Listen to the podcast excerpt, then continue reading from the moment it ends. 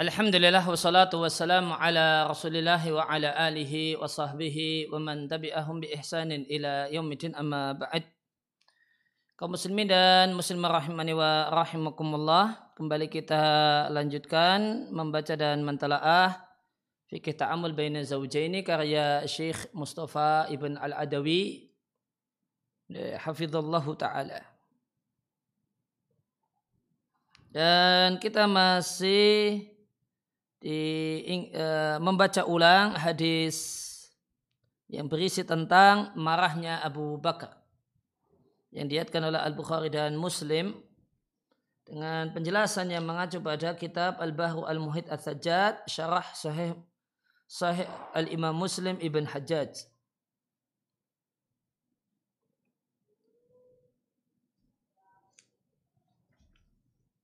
Uh, saya ulangi dari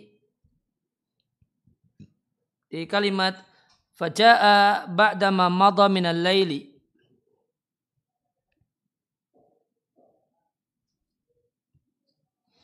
Maka Abu Bakar datang setelah madha min al-laili berlalulah uh, malam telah berlalu masya Allahu. Ungkapan masya Allah di sini artinya adalah kinayatun antulil waktu bahasa metafor yang artinya waktu yang lama. Dalam waktu yang lama Abu Bakar meninggalkan tamu-tamunya.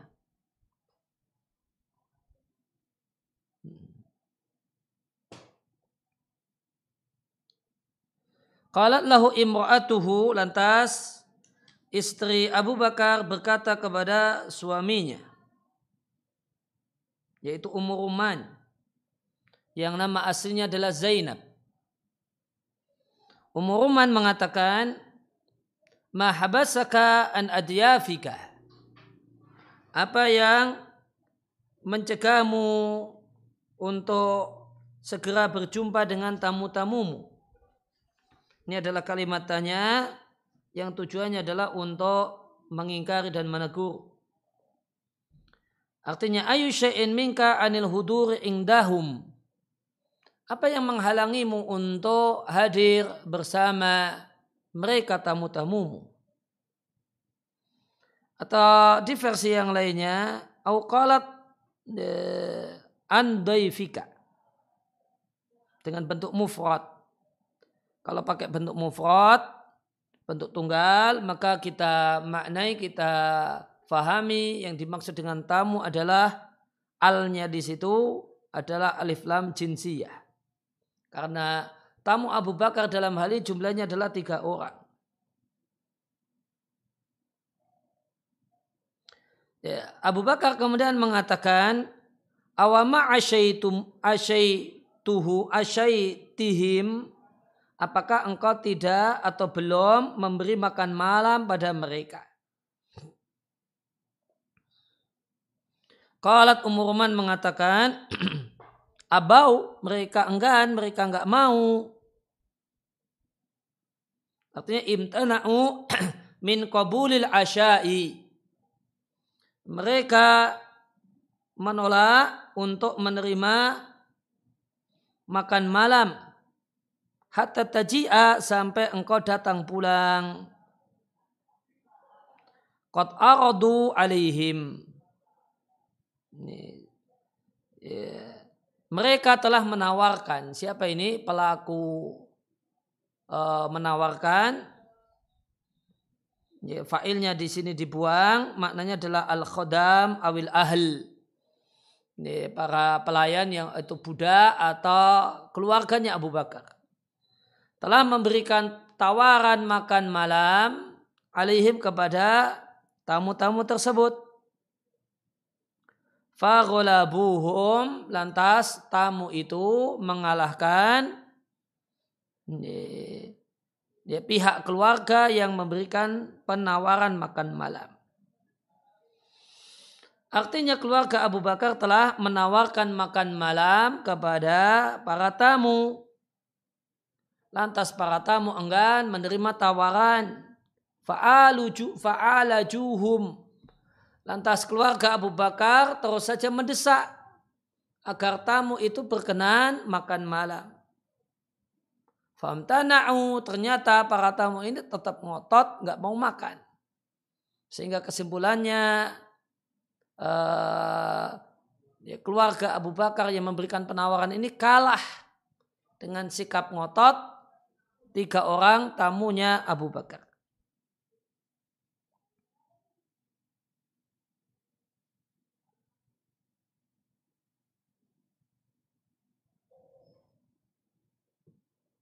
Ya, kemudian tentang hal ini An-Nawawi menjelaskan mereka menolak untuk makan sampai Abu Bakar datang. Niatnya sebenarnya baik. Hada fa'aluhu adaba. Hal ini mereka lakukan dalam rangka sopan santun. Artinya niat yang baik warifkon bi Abi Bakrin fima dhannuhu. Dan bentuk eh, kasih sayang kepada Abu Bakar dalam apa dalam sangkaan mereka. Karena mereka menyangka bahwasanya Abu Bakar la yasulullahu asya'un min asyaihim. Abu Bakar belum makan malam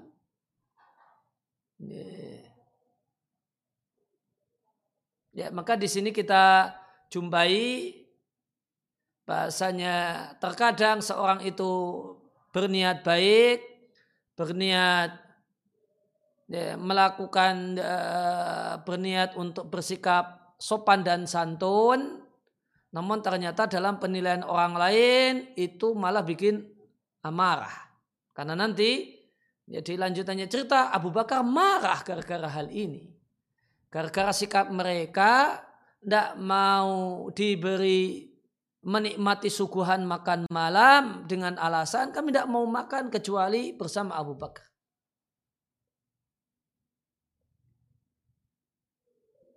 Qala ulama'u, para ulama mengatakan yang benar, sikap yang benar lidaifi bagi seorang tamu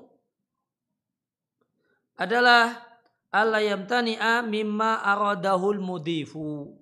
Jangan menolak apa yang diinginkan oleh tuan rumah.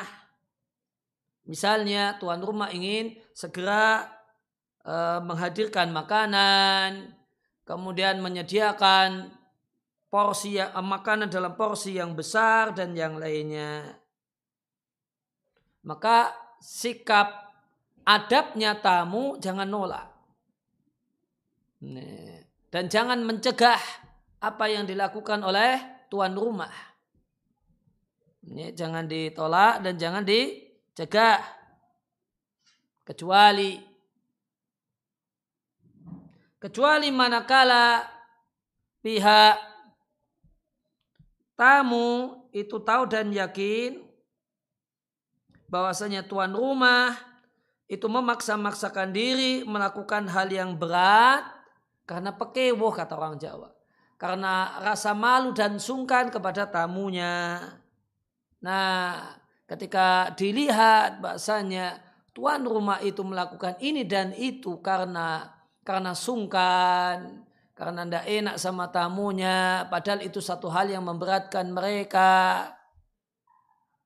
Maka hendaknya sikap tamu fayamna'uhu birifqin Nggak, eh, maka tamu boleh menghalangi dan mencegah maksud dari tuan rumah namun dengan cara yang baik, cara yang santun.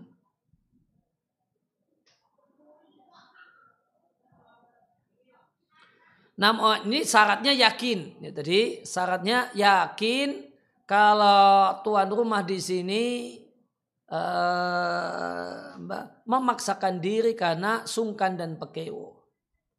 Wa mata syakka. Namun jika tamu itu ragu-ragu dan bimbang, ini karena ini ya, menyusahkan diri ataukah tidak, maka lam tarid alaihi.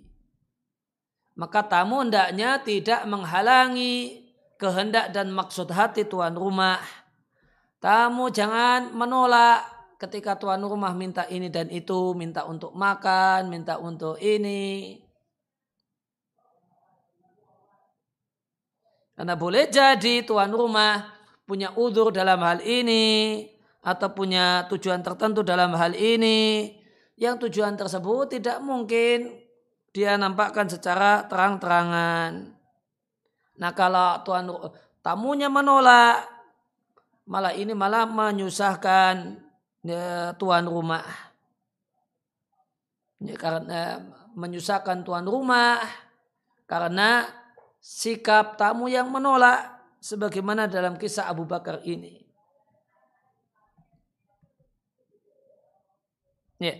Uh, selanjutnya Kal Abdurrahman anaknya Abu Bakar mengatakan Fadhahabtu ada fakhtaba'tu Aku pergi dan aku sembunyi.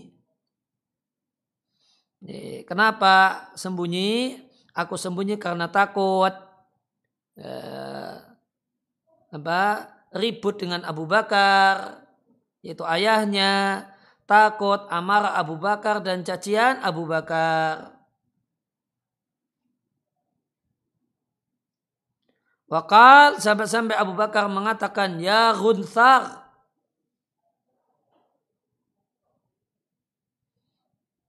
ya gunsar apa makna gunsar kalau di di buku fikih ta'amul sudah disampaikan asakil al-wakhim orang yang ya, bikin nggak nyaman, orang yang bikin berat, orang yang wakhim sama bikin berat. Ada yang mengatakan dia adalah al-jahil, orang yang bodoh dan ada yang mengatakan safi, orang yang tidak sempurna akalnya. Ada yang mengatakan ghuzar itu maknanya makna asalnya adalah zubab, lalat. Maka Abdurrahman itu diserupakan dengan lalat karena Abu Bakar ingin merendahkannya dan mengecilkannya.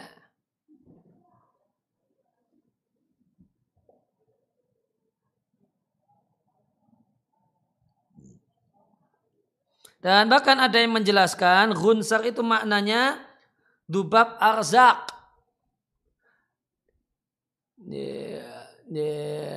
Lalat biru. Mungkin kalau di tempat kita lalat hijau yang sangat menjijikkan. Ya. Karena ya, lalat dari septi tank. Ya.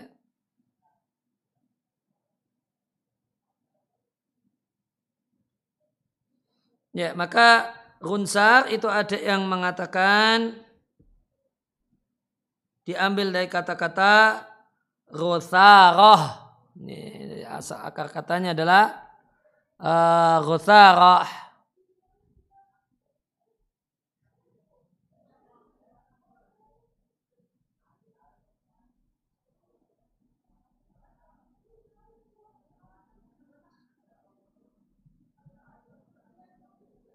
Ini ada yang menjelaskan Gunzar itu ada akar katanya, akar katanya adalah rusara.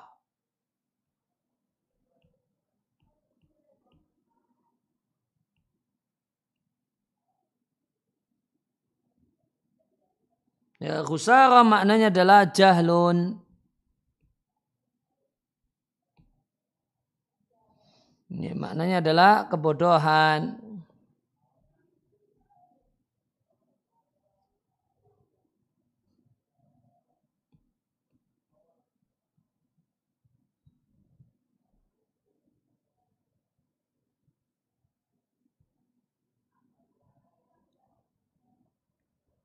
Nah, ada yang ada yang menjelaskan kalau khunsar dari kata-kata al-ghasru. Kata-kata akar katanya itu ghasrun.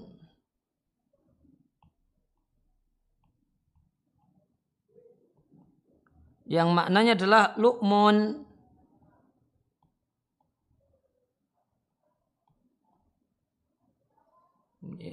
Orang yang jelek, orang yang buruk.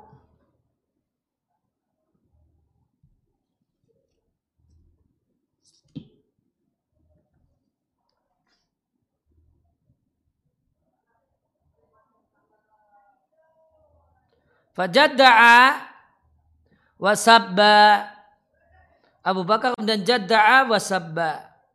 Sabba artinya mencaci, syatama. Kemudian jadda'a di sini ada dua penjelasan ulama tentang makna jadda'a. Yang pertama jadda'a artinya mendoakan kejelekan dalam hal ini untuk Abdurrahman bil jadda'i agar mengalami jada' jada' adalah qat'ul anfi hidung yang terpotong. Namun ada yang menjelaskan jada'a di sini maknanya adalah sabba. Namun yang tepat jada'a e, maknanya adalah makna yang pertama yaitu e, mendoakan agar hidungnya terpotong. Karena seandainya jada'a kita maknai dengan mencaci, maka berarti tidak e, berarti terjadi pengulangan. Jada'a mencaci, sabba mencaci. Nah, supaya tidak terjadi pengulangan, maka jada'a lebih tepat dimaknai dengan doa jelek agar hidung kepotong.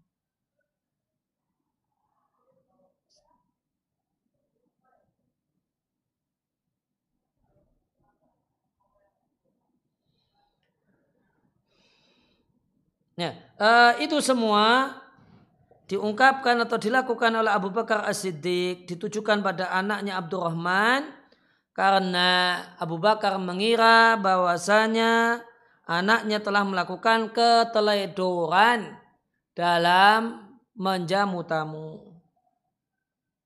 Maka tatkala Abu Bakar tahu bahasanya anaknya tidak teledor, namun sampai malam yang sudah larut ini tamu itu belum makan karena dia memang tidak mau menikmati makanan yang sudah disiapkan. Maka amarahnya Abu Bakar berubah. Tadi marah sama Abdurrahman. Setelah tahu duduk perkaranya, jadinya marahnya sama tamu.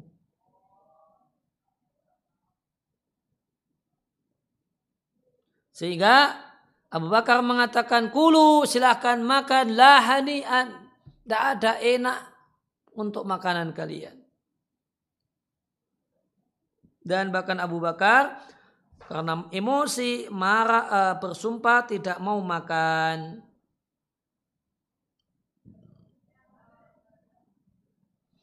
Nah, kenapa Abu Bakar marah kepada para tamu ini? Jawabannya karena mereka tamu ini ngatur-ngatur tuan rumah. Tuan rumah diatur-atur, mereka tidak mau makan kecuali jika ditemani tuan rumah misalnya. Ya, ngatur-ngatur tuan rumah agar hadir bersama mereka. Maka tindakan ini menyusahkan ya, pihak keluarga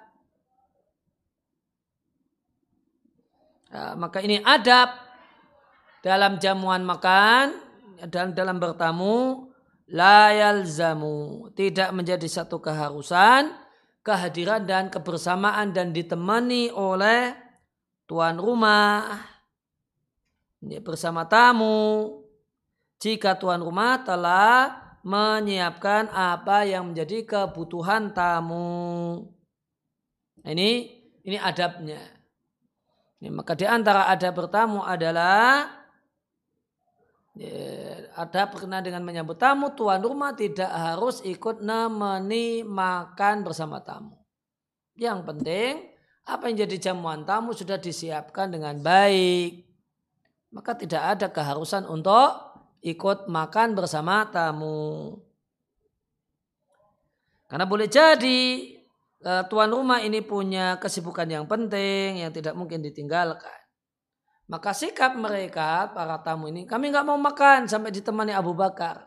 Maka ini bentuk jafa, sikap tidak sopan.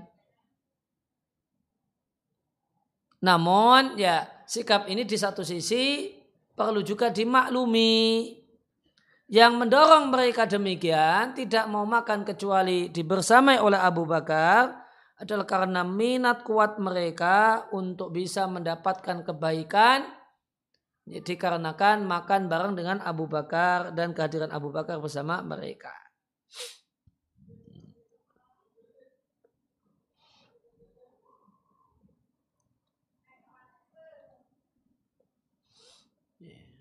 Maka mereka tidak mau makan sampai Abu Bakar datang. Mereka menunggu Abu Bakar. Lantas datanglah Abu Bakar.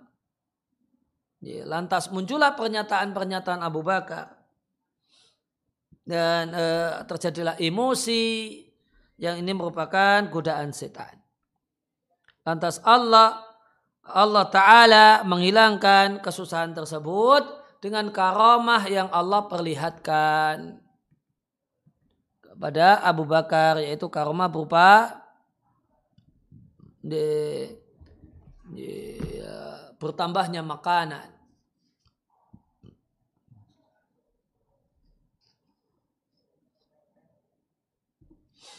Nah pada saat kemudian Allah perlihatkan satu karomah kejadian luar biasa di hadapan Abu Bakar maka kesusahan itu berubah menjadi gembira Eh, dan pada saat itu kemudian Abu Bakar menampilkan akhlak mulia dengan dia langgar sumpahnya. Dan dia makan bersama tamu-tamunya dan beliau nyamankan hati tamu-tamunya.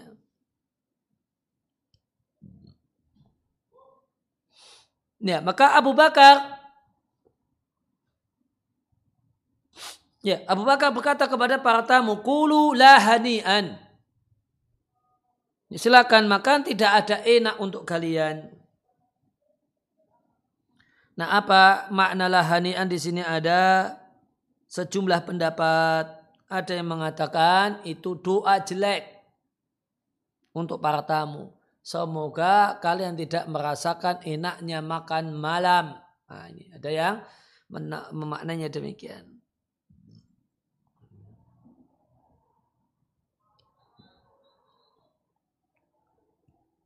Kemudian pada penjelasan yang kedua mengatakan ini kalimat berita. Menceritakan realitanya karena e, masakan ini sudah matang sejak tadi. Sekarang udah dingin, udah nggak enak. Karena enaknya makanan e, yang disajikan ketika itu adalah saat habis e, masaknya. Ya, maka Eh, sehingga kalau dimaknai dengan kalimat berita artinya kalian tidak akan merasakan nikmatnya makanan dengan menikmatinya di awal matangnya.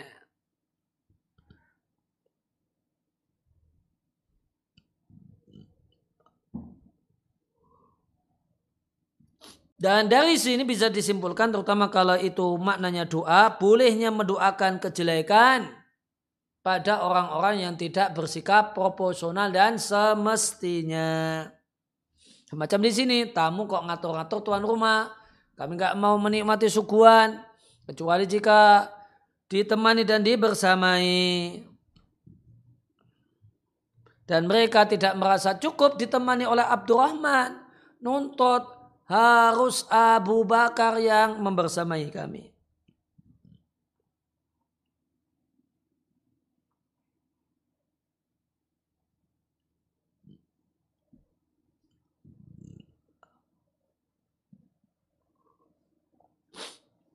Nah, kemudian akhirnya dalam kondisi marah tersebut, wakal Abu Bakar mengatakan,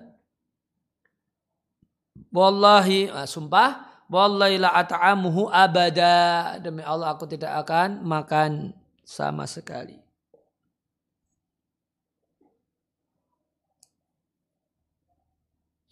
Ibnu uh,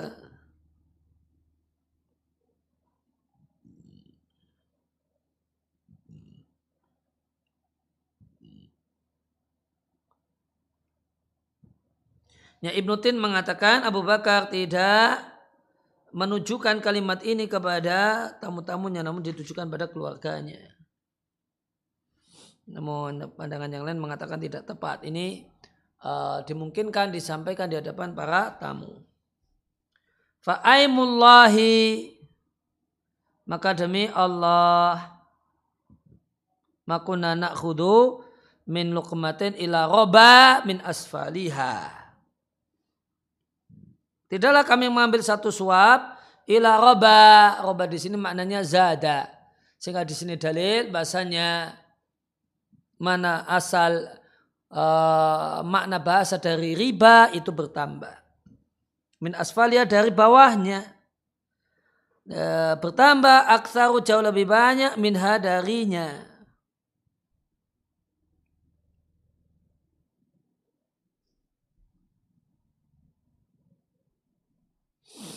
Qal yang ini perkataan Abdurrahman. Hatta syabi'na sampai kami kenyang.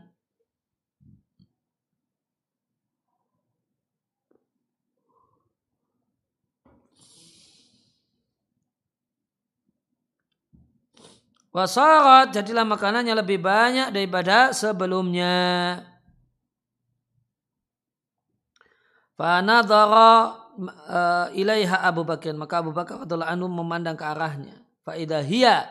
Ternyata itu hianya kembali ke jufnah. Ke wadah atau sejenis piring atau sejenis nampan yang ada padanya makanan. Kama hiya. Apakah sebagaimana keadaan sebelumnya ataukah lebih banyak dibandingkan yang pertama? Abu Bakar kemudian mengatakan pada istrinya Umur Roman, wahai saudari perempuan Bani Firas, mahada apa ini? Yang dimaksud Ukta Bani Firas artinya wahai orang yang berasal dari Bani Firas.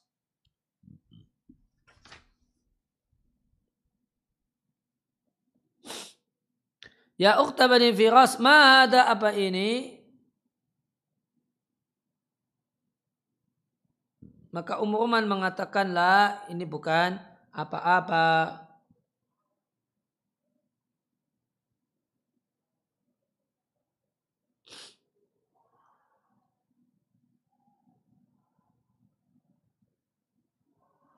Ya, kurat ada ini di sini kita jumpai kuratu ain. Kata para ulama bahasa Arab, kuratu ain itu maknanya adalah ya, al-masara kegembiraan. Wa ru'yati ma yuhibbuhul insanu. Melihat sesuatu yang disukai oleh seseorang. Wa yuafiku dan yang cocok dengannya. Ya, kenapa sesuatu yang menggembirakan, membuat bahagia disebut kuratu ain? Maka kurah di sini dari akar kata apa? Ada dua pendapat tentang uh, akar kata dari kurah. Yang pertama mengatakan makhudan minal koror. Diambil dari kata-kata koror artinya tetap dan stabil.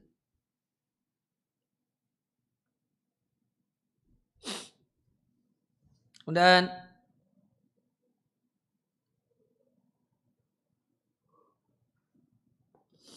Ya kenapa disebut uh, itu uh, stabil? Dia menjelaskan karena matanya sudah tenang, sudah stabil, karena telah tercapai apa yang jadi cita-cita dan harapan, sehingga tidak ada lagi yang diharap-harapkan. Pendapat yang kedua, kuratu ain diambil dari kata kur al-kuru. Al-kuru artinya al-bardu dingin. Contohnya kalimat ainuhu baridatun li sururiha. Matanya itu dingin karena gembira. Hal ini karena air mata orang gembira, karena gembira sampai nangis, itu air matanya itu seperti hampir mirip uh, es atau cairan es. Sedangkan air mata sedih itu anget atau panas.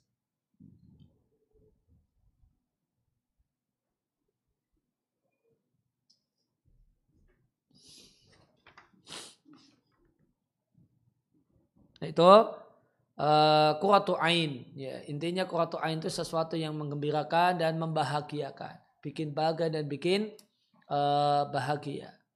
Bikin senang dan bahagia. Nah ini dari akar kata apa? Ada yang mengatakan dari kata-kata uh, al-kuru yang artinya dingin karena uh, timbulnya karena air mata orang yang gembira itu dingin. Dan ada yang menjelaskan dari kata-kata korok artinya tetap dan stabil, tidak ke mana-mana. Ya, karena tidak mengharapkan ini dan itu sudah uh, stabil, madep, mantap di di situ, tidak akan pindah-pindah.